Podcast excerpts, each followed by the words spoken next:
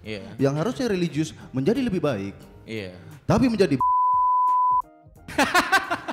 dan itu adalah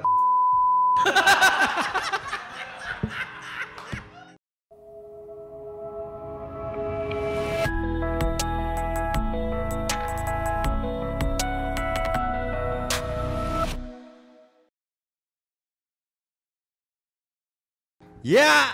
Yeay, gokil. Akhirnya setelah nih, enak nih ya. Ini penontonnya penonton bayaran semua nih. gitu. Bayarannya Di ada queue- di atas meja semua. Di queue dikit langsung tepuk tangan. Inisiatif tinggi, luar biasa. Balik lagi di POV. Yes. Nah kali ini kita POV-nya agak beda ya. Iya beda, kelihatan Iya, lah. Beda. Kelihatan udah ada duitnya. Eh? Ini dari Aduh, kita sekarang POV, POV apa namanya Tin? 5.0.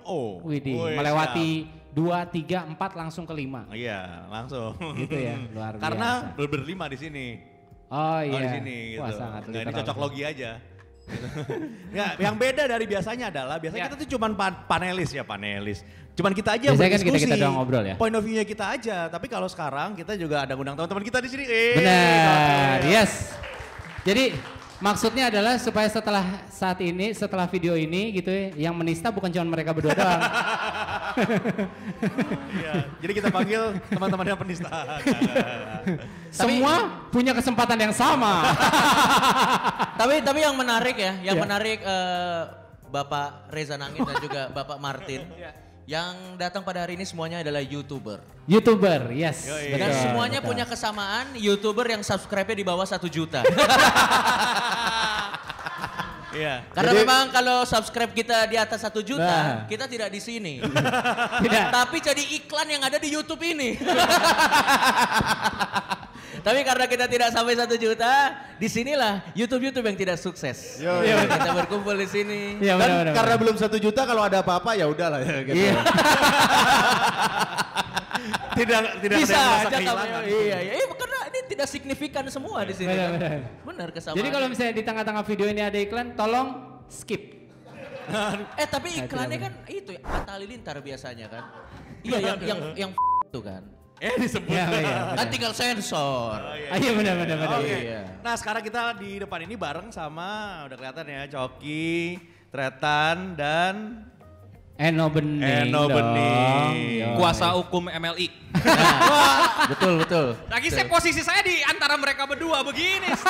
Seakan-akan kuasa hukumnya gitu yang lagi ngebelain mereka gitu. Aduh Males lucu banget. banget, lucu Nih, banget. awak media dan teman-teman tolong ya, saya juga baru pertama kali nih join sama Cameo. Posisinya tidak diatur, saya tahu-tahu duduknya di sini. Tidak ada hubungannya sama kasus lama, bukan ide saya. Bukan ajakan saya, bukan ajaran saya. Emang ada masalah Martin sama Reza, Bang Reza sama lu.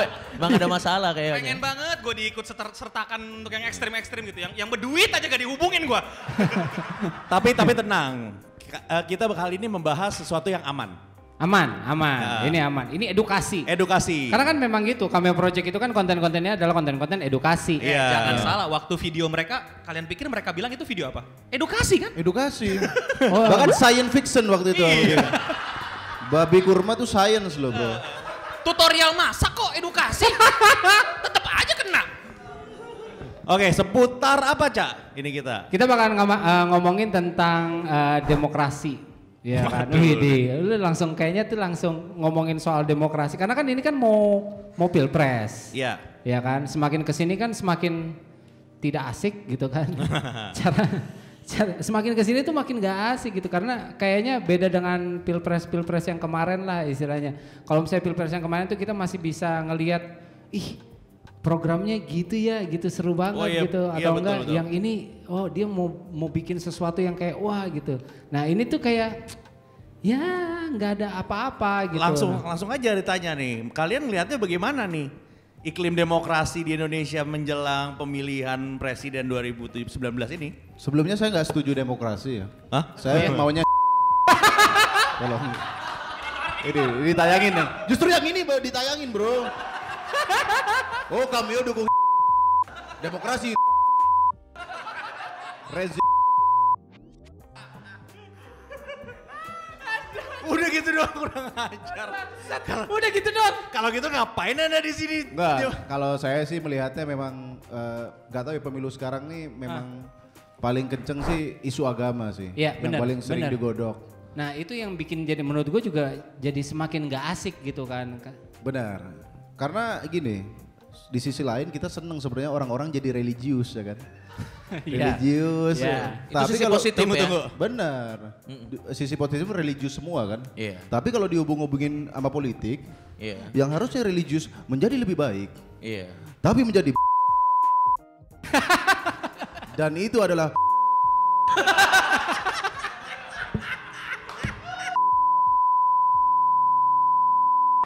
ya kan?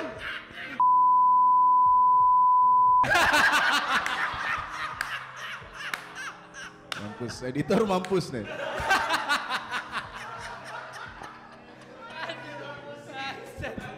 Tapi ya itu kan maksudnya gini loh, apakah itu menjadi suatu yang menjadi suatu sumber masalah di eh, di season kampanye ini gitu loh?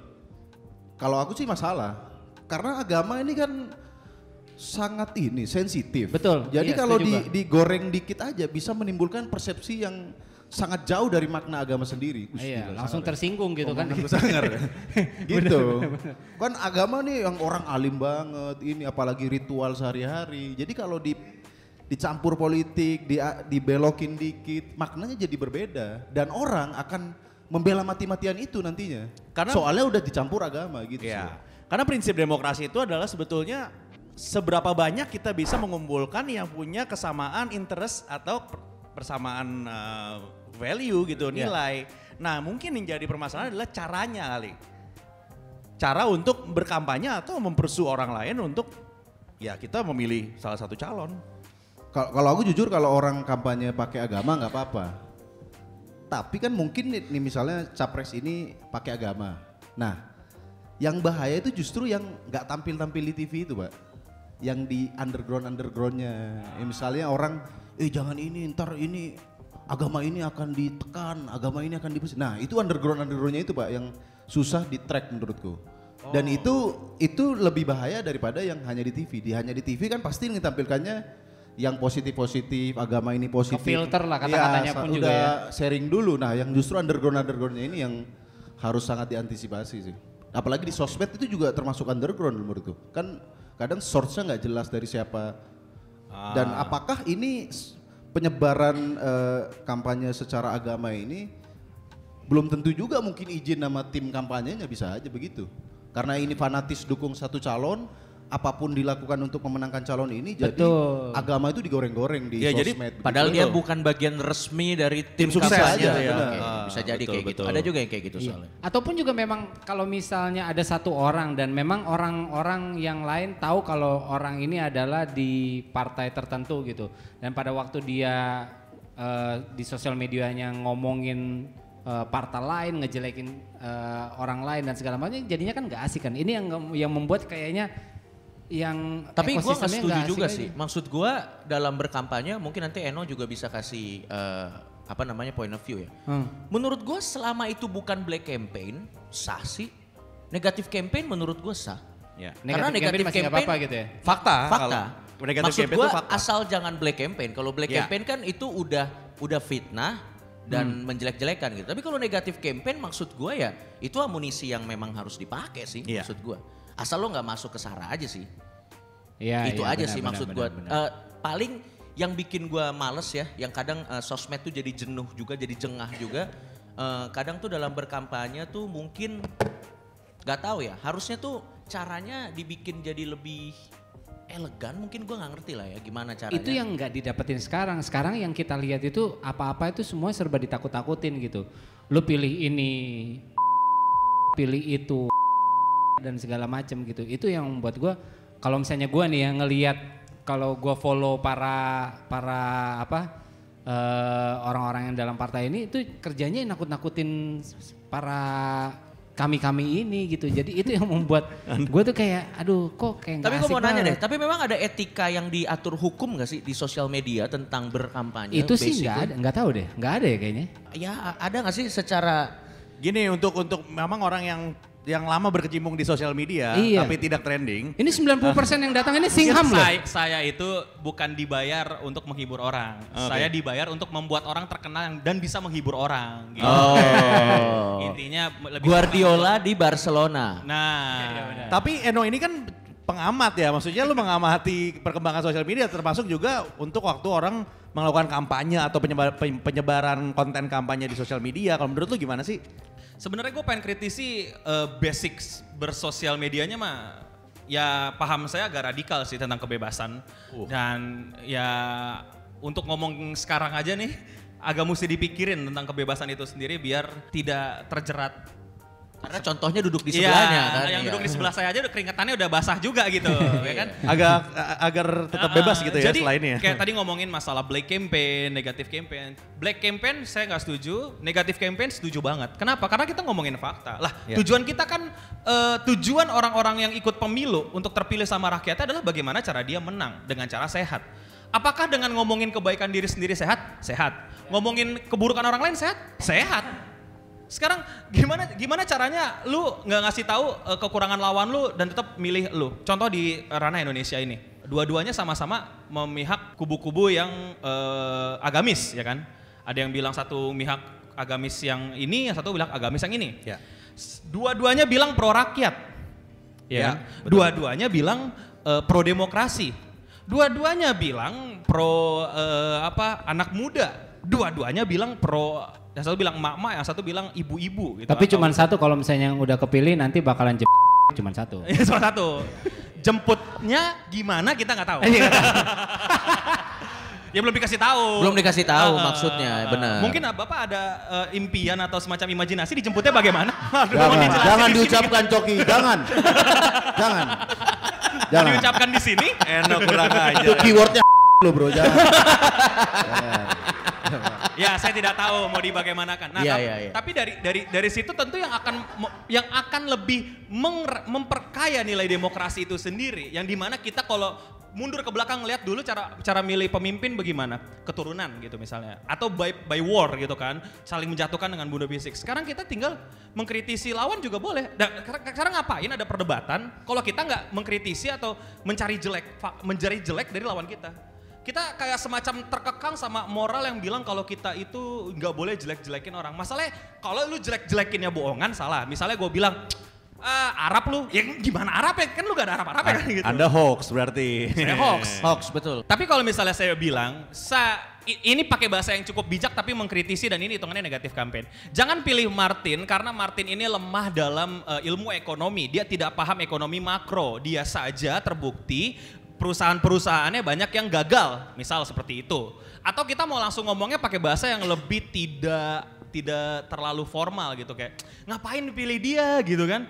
Dia apa eh, toko rumahnya aja bangkrut mulu gitu kan? Ya fakta tokonya bangkrut tutup gitu kan? Fakta misalnya eh, dia tidak pernah berhasil memegang perusahaan sebagai CEO. Fakta misalnya dia gagal memegang komunitas, komunitasnya pecah bar. Itu fakta dan boleh-boleh aja kita meluap-luapkan itu. Tapi kalau misalnya jadi macam halangan kayak misalnya nggak boleh, gue nggak mau pilih yang negatif campaign, boleh itu hak lo. Tapi untuk membuat peraturan melarang negatif campaign itu lagi-lagi kita mundur ke belakang. Ya, betul. Idealnya tuh harusnya supaya kita bisa berdewasa berdemokrasi itu harus ditunjang dengan kematangan literasi masyarakatnya. Plus perlindungan ya. Yes. Menurut ini ini benar benar benar ini-. Ini, karena benar benar gua ngerti karena sematang-matangnya literasi lu dalam mengungkapkan negatif campaign. Maksud gua gini, negatif campaign pun bisa salah pada saat kata-katanya lu salah menggunakannya. Ngerti Iya. kan maksud gua? Negatif campaign tuh bisa jadi benar kalau lo mengcraftnya itu dengan bagus. Dengan kata-kata misalnya eh, jangan pilih ini karena perusahaan-perusahaannya udah bangkrut. Jadi dilihat dari sudut mana pun dia aman gitu. Iya, betul. Jadi maksud gue kalau kita mau berdewasa dalam berdemokrasi mungkin harus ada perlindungan untuk orang yang menggunakan instrumen yang ada, yang jelas yang tidak melanggar hukum ya. Terus yang kedua literasinya juga harus sebanding Iya. dengan kebebasan yang dikasih dalam berdewasa berdemokrasi. Itu yang kedua. Terus yang ketiga nih satu lagi sih menurut gue, nggak boleh baper bro. Nah itu yang mau gue tekanin sih. Malah malah gue nggak perlu literasi bagus-bagus. Lu literasi mau bobrok semua nggak masalah gue. Seriusan. Asalkan kita bebas berbicara. Sekarang gini, lu mau kritikin dia yang dari tadi makan liatin kita gitu, si Gian. Gian? Hah? kayak ngeliatin makan gitu misalnya kayak gue misalnya secara sopan santunan gue di adat keluarga gue nggak boleh ada orang ngomong ada yang makan Iya. gue baper dong Hmm. gitu kan literasi kita beda nggak Beda. Beda. beda, Oh, tapi sama menurut menurut lo level intelektual kita sama nggak bedanya di adat kan nah berarti harus ada perlindungan hukum yang membiarkan kita bisa mendebatin itu di sini Ah. Permasalahannya menurut gua. jadi bukan masalah ketidaksukaannya tapi boleh nggak kita mendebatkan ketidaksukaan itu permasalahannya menurut gua dasar hukumnya pun karet sekali. nah Iya, betul. Iya. Bahkan sampai kita pun kadang ingin ya susah sih. Di satu sisi kita di, di, di- disuruh mari kita berdemokrasi. Pada saat berdemokrasi kamu di penjara. Loh, loe, loe, loe, loe, itu itu bener banget Benar, benar, benar. Mungkin di kata ayo demokrasi ada bintang kecil bro. Awas di penjara. gitu. Ma- malah Syarat dan ketentuan berlaku. Enggak, Syarat dan ketentuan gua berlaku, juga. iya, iya, harus harus berbanding lurus. Iya. Nah, permasalahannya adalah ah, etika dalam dalam let's say berdemokrasi terutama di sosial media ini batasnya pun agak susah ya. Iya, nggak perlu ada batasan dan segala macam. Harusnya idealnya idealnya. Idealnya adalah malah malah ketika lu berdemokrasi batasan-batasan itu harusnya dianggap udah nggak jadi da- dalam dalam kadar, eh, kadar tertentu ya contoh kebebasan bicara yang sekarang serba di aneh-anehin nih. Contoh kita semua pasti banyak yang nggak setuju sama UU ITE Ya. terutama kiri kanan saya kan. Betul. dan ada beberapa juga yang kalau kalian lihat berapa kali UU ITE itu hanya digunakan untuk eh, siapa sih yang dilindungi dari UU ITE misalnya gitu kan. Kalau kita ngomong ke sosial media ya siapa sih yang mau lu lindungi dari UU ITE perasaan orang. Lu melindungi pra- negara melindungi perasaan orang kurang kerjaan banget ya nggak sih negara harusnya melindungi kesejahteraan orang untuk berbicara Makanya malah. makanya karena kalau UU ada kalau UU ITE ada negara melindungi perasaan orang harusnya ada Kementerian Kebaperan. betul Waduh. Iya, yang membawahi Tunggu orang-orang bentar. baper, Bro. Kalau begitu siapa nama menterinya dong? Hah? Menterinya siapa kalau begitu? Waduh, jangan disebut. Waduh. Eh, Coach, Bahaya. Coach Justin, Coach Justin mungkin. Kenapa Coach Justin? Dia suka baper kan di sosmed. Nggak, tapi basically benar sih. eh, dalam berdewasa berdemokrasi sih memang berarti sebenarnya kalau kita mau honestly speaking di Indonesia belum ideal ya.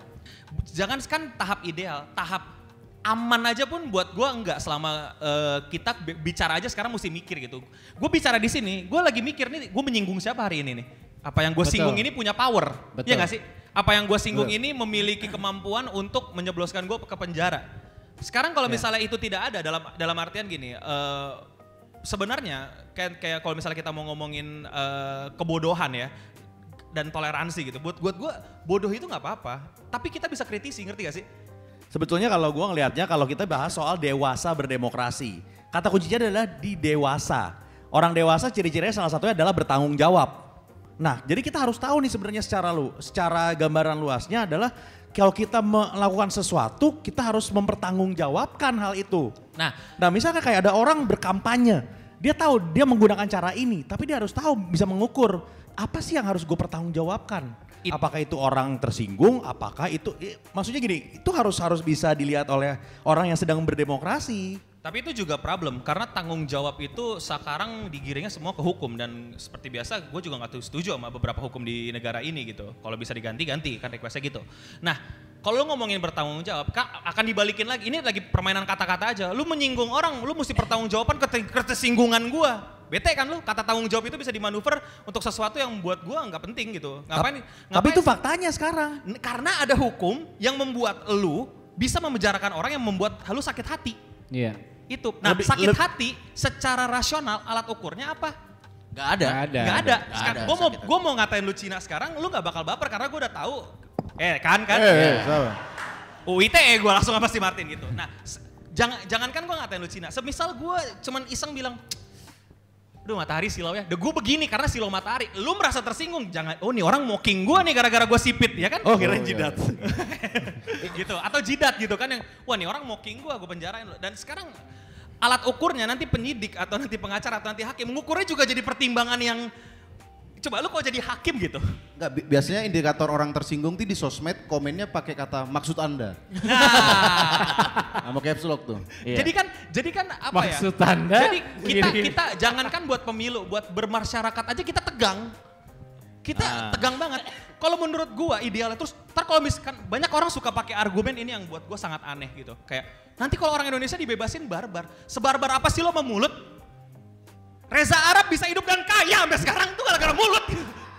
Terus eh, apa Terdapat penekanan yang cukup maksimal pada waktu Ah, ah, ngomongin oh, Reza Reza Arab. Arab gitu.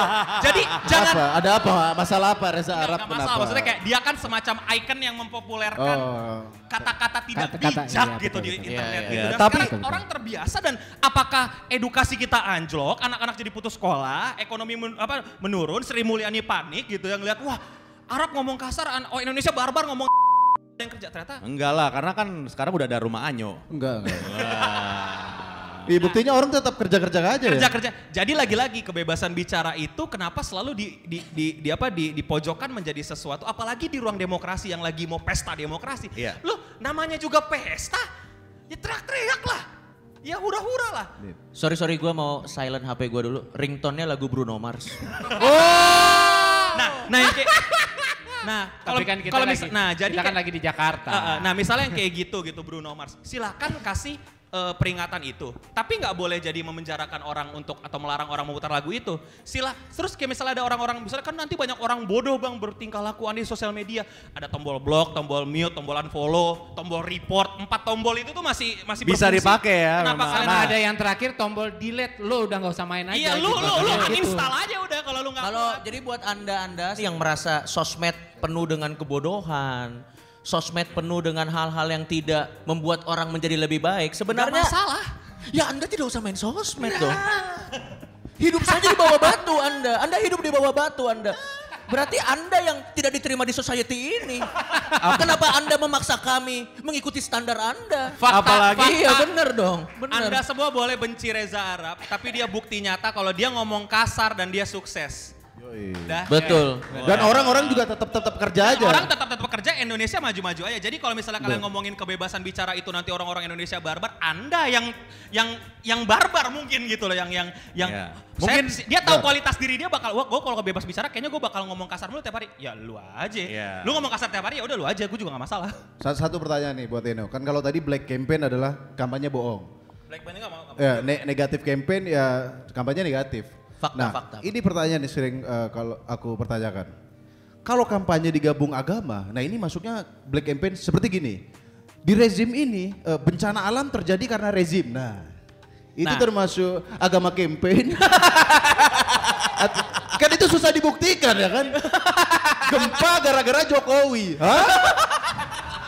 Jawab. BMKG juga bingung BMKB. Apakah Pak Jokowi menggeser lempengan bumi? Tapi orang kemakan dengan itu. Dan itu udah nggak ada datanya loh, nggak ada. Tapi ini pertanyaan yang valid. Banyak Pertanyaan yang yang valid banget. Kalau debat data, data ekonomi ini terakhir, tapi nak bencana terjadi di rezim Jokowi, loh ya loh ya. BMKG semua kaget. Oh gara-gara Pak Jokowi selama ini. Geser-geser lempengan ya kan. Itu gimana? Masuknya negatif apa black apa apa? Iya? Kalau-? Dijawab, dijawab. Pertama ya kalau memang Jokowi beneran bisa geser lempengan saya bangga gitu. Pernah pernah dipimpin sama rezim oleh presiden yang bisa geser lempeng. itu Ya kalau dia bisa geser, geser ke yang bener dong. Masa geser jadi gempa? Ah, gimana tuh Pak Eno? Nah, jadi ini juga problemnya. Nah, saya juga mesti ngomong hati-hati di sini karena kebebasan bicara saya lagi di lagi di ini udah di ujung nih dan saya mencium mencium bau-bau nyari temen nih ya. Pancingan memang pancingan. Pancingan. Pancingan. Bau-bau saya mesti kontrak sama MLI bentar lagi. Oke, jadi eh, itulah yang jadi problem bahwa kalau saya sih selalu menghindari diskusi yang membawa agama. Karena menurut saya agama itu emang di Indonesia menurut orang-orang pencipta peraturannya ya tidak bisa dibikin sebagai bentuk diskusi yang Ya. eh, kritis. Betul. Jadi lebih baik kalau mau diskusi agama, saya mundur. Anda menang, argumen Anda terbaik, top, the best. Saya permisi. Saya Iya. nggak mau lanjut. Jadi jadi daripada mencari siapa yang benar, lebih Iya. baik kita Saya mencari saja. siapa yang mau masih hidup lebih panjang.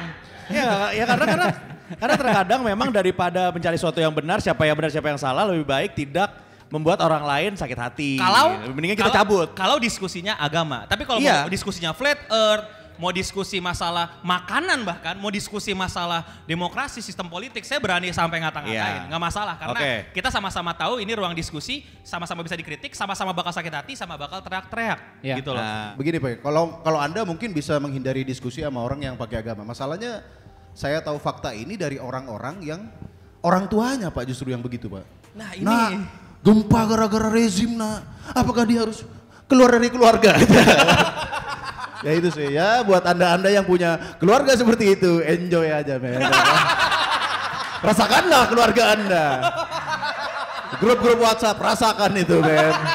Nah di sini nih semua yang Buat sini anda-anda yang punya keluarga itu selamat datang di rezim ini. Nah di sini kayaknya muka-mukanya udah pengen pengen ngomong nih, aduh kelihatan. Kira-kira apa sih yang buat yang resah buat kalian melihat sosial media berkampanye yang tidak dewasa? Gimana? Mungkin muka-mukanya? Oke, eh, gua Amo, gua eh, cameo-nya Cameo Project. Kalau gua jujur eh, eh, yang merasakan gua sekarang ini karena gua tuh eh, hidup kurang lebih hampir 20 tahun hidup itu dalam eh, perbedaan. Nyokap gua Kristen, bokap gua eh, bokap tiri gua itu muslim taat. Makanya gua karena gua dari kecil itu hidup gua tahu ketika eh, bokap gua eh, merayakan Idul Fitri itu maka nyokap gue itu akan selama bulan puasa dia akan dengan setia setiap eh, pagi untuk menyediakan eh, hidangan berbuka untuk buka puasa dan bahkan Idul Fitri pun dia bahkan ketika nyokap gua Natalan atau ada ibadah misalkan di rumah bokap gua akan dengan sangat bijaksana ketika biasanya nih kalau kita lagi ibadah itu selalu ada sambutan dari yang punya rumah. Itu bokap gua akan sambutan sebagai meski dia muslim dia akan sambutan. Terima kasih sudah eh, mau beribadah di rumah kami mau mendoakan kami. Begitu dia ibadah mulai bokap gua pamit mundur ke belakang. Nah makanya gua jujur eh, ketika gua ada di sekarang ini gua kesel pak. Gitu loh. Maksudnya ya ya akhirnya gua sama teman-teman gua yang notabene gua cabut dari grup WhatsApp gara-gara membahas agama itu di, di, di politik agama itu di grup. Nah makanya yang, jujur menjadi keresahan gua sekarang itu adalah eh, orang-orang yang eh, menggunakan agama ini sebagai politik gitu loh. Makanya yang eh, gua tidak tidak pandai berpolitik, gua tidak jago dalam eh, banyak hal. Tapi ketika orang sudah mulai mengatakan maaf, ketika orang mulai mengatakan Islam itu seperti ini, gua akan bilang eh, gua beragama Kristen tapi gua bilang Islam yang gue tahu tidak seperti itu karena Islam yang gue tahu adalah Islam bapak gua, bapak tiri gua. Itu Islam yang sebenarnya gitu. Makanya jadi ketika mulai bermunculan eh, ses- segala sesuatu yang berbau radikal untuk eh, mengganti ideologi Pancasila maka gue akan berdiri sebagai radikal nasionalis pak. Wih, siap. Keren banget keluarganya Mas ini tepuk, Tepuk tangan tangan dong, tepuk tangan dong. Bapaknya memimpin eh, tadi persegu apa? Ya, Ada doa ibadah, ibadah, Orang ibadah. ibadah Natal. Kristen Bukan, bukan ibadahnya yang dipimpin. agama dia, ntar kasusnya kayak dia sambutan, nih. sambutan. Iya, ya. Iya, kata iya. sambutan. Kalau saya jadi bapak dia, saya akan melakukan itu juga. Sambutan, sambutan. Tapi begitu keluar,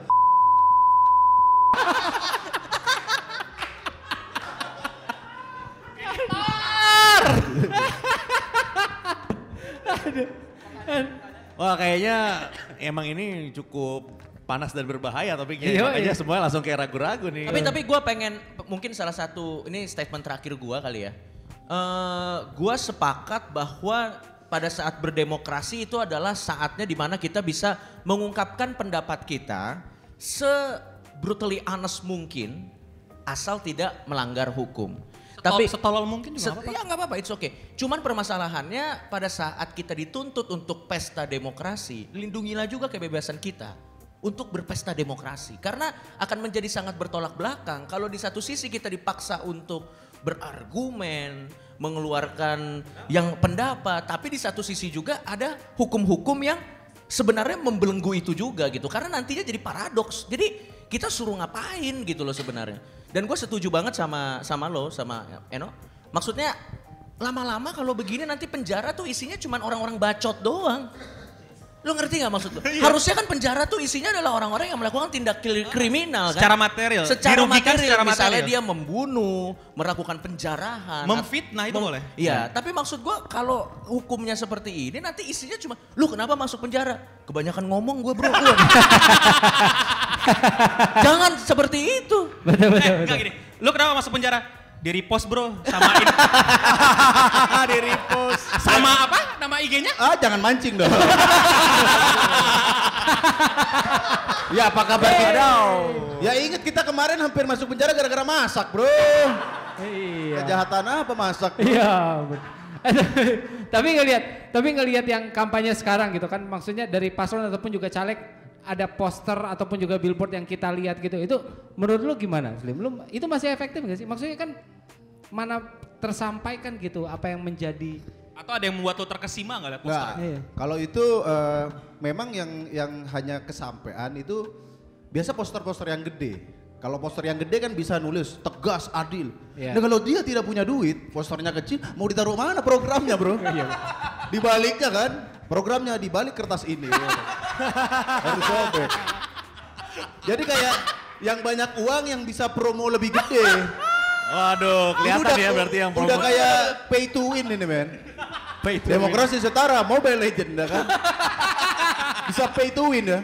Dan tapi memang agak susah menyampaikan. Waktu itu aku pernah lihat kalau nggak salah Samara dia usul. Jadi harusnya caleg-caleg ini mending daripada tempel-tempel poster ngadain aja diskusi sama warga di situ. Misalnya kecamatan itu ya udah ngobrol aja di situ, share daripada hanya poster-poster. Karena kadang-kadang ada poster yang eh, apa ap- apa namanya visi misinya tuh Slogannya? ya slogannya hanya tiga doang. Bahkan ada yang aneh ya saya pernah lihat ini serius. Slogannya di sini bolo bolo eh mbak. Bener pak program apa bolo bolo ini ya? Apakah anda mau membolo-bolokan Indonesia? Eh bukan dong. Bolo-bolo bolo bukan bolo teman dia ya. apa gitu kan? Bolo-bolo artinya teman-teman dulu eh. bolo-bolo kerjaannya dia Iya, bot gitu apa? Pendidikan gimana mbak Tina gini gini ya kan kalau misalkan billboardnya dia gambar memang cuma gini doang, tapi kalau misalnya di LED dia gini muter. Enggak, enggak, ya iya, kadang benar-benar. memang susah menyampaikan kalau hanya dari poster-poster gitu. Iya, sih, betul, sih, benar betul. sih, benar sih. Lu lihat semua par eh, pas poster-poster caleg, isinya apa? Merakyat, pro orang miskin, murah-murahin apa? Apa bedanya sama yang lain? Semuanya bilang merakyat. Bapak gue juga merakyat, ya kan? Harusnya lebih spesifik lagi mungkin ya. Apa? Harusnya maksudnya eh, slogannya lebih spesifik misalnya mendukung anak muda. Heeh. Harusnya gitu tapi ya? tapi itu pun juga Itu masih pun template, template, sangat template dukung banget. anak muda, apa eh, lapangan pekerjaan. Masalah yang udah dari ber, dari Soekarno perjuangin juga masalah anak muda kan berikan aku 10 pemuda gitu loh. Masih ngomongin yang itu. Makanya kalau menurut gua kalau lo jadi caleg daripada lo kasih program-program lo di kertas nggak bakal dibaca juga ya. Mendingan lo taruh di billboard lo terus bila penasaran tentang saya, telepon nomor WA saya. eh bener itu lebih. Lebih ya? Anda telepon, wah saya penasaran nih. Halo. Benar, benar. Oh ya apa yang mau Anda tanya? Nah, Pada intinya sebetulnya kalau menurut gua adalah kita kita sebagai rakyat yang nonton kan banyak kan rakyat bukannya bukannya orang yang lagi kampanye. Dan- nah, jadi ta- rakyat itu berarti lebih bi- lebih cerdas lagi untuk memilih orang yang berkampanye itu seperti apa yang mau kita pilih. bahwa demokrasi itu sebenarnya diakui dalam demokrasi sendiri. Voting adalah cara paling terburuk dalam membentuk pilihan. karena belum tentu yang Iya, jumlahnya paling siap. banyak itu merepresentasi. Kalau ternyata yang lebih banyak, maksud saya ini kan salah satu opsi yang harus kita Iya. pertimbangkan Benar, dong. benar. Bukan berarti saya bilang bukan berarti. loh. Makanya dari situlah daripada jangan sampai orang-orang bodoh itu bisa memilih, bisa bukan bisa memilih, bisa memilih yang bisa memilih yang tetap boleh memilih, tetap Ya. punya hak pilih. Jangan sampai memilih yang bakal membuat kita hancur, buat negara ini hancur. Gimana kita mau mencerdaskan orang-orang tersebut kalau kita untuk mencerdaskannya aja kita terjerat hukum. Betul. Terjerat aturan-aturan yang membuat Setuju. kita tidak bisa terbiasa untuk ini. Lu pikir dengan membuat kita menjaga omongan orang jadi makin pintar? Tidak. Makanya Apa jaminannya? Makanya Thanos pernah ngomong di komik Marvel. Kenapa Thanos dibawa-bawa, bangsat? Thanos pernah ngomong di Oke. Infinity War di komik Marvel dia bilang lebih mahal mencerdaskan orang bodoh, tapi lebih murah membinasakan orang bodoh. Tapi nggak gitu dong. Thanos pernah ngomong gitu. Iya, tapi kan Thanos. Tapi itu Thanos, Thanos. makanya dia orang jahat. Makanya dia orang itu jahat. science fiction.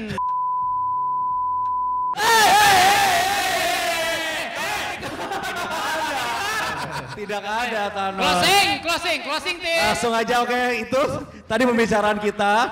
Nah jadi ada beberapa hal yang bisa dicerna untuk diambil eh, ininya ya pendidikannya. Tapi ada juga yang memang dibiarkan lewat saja.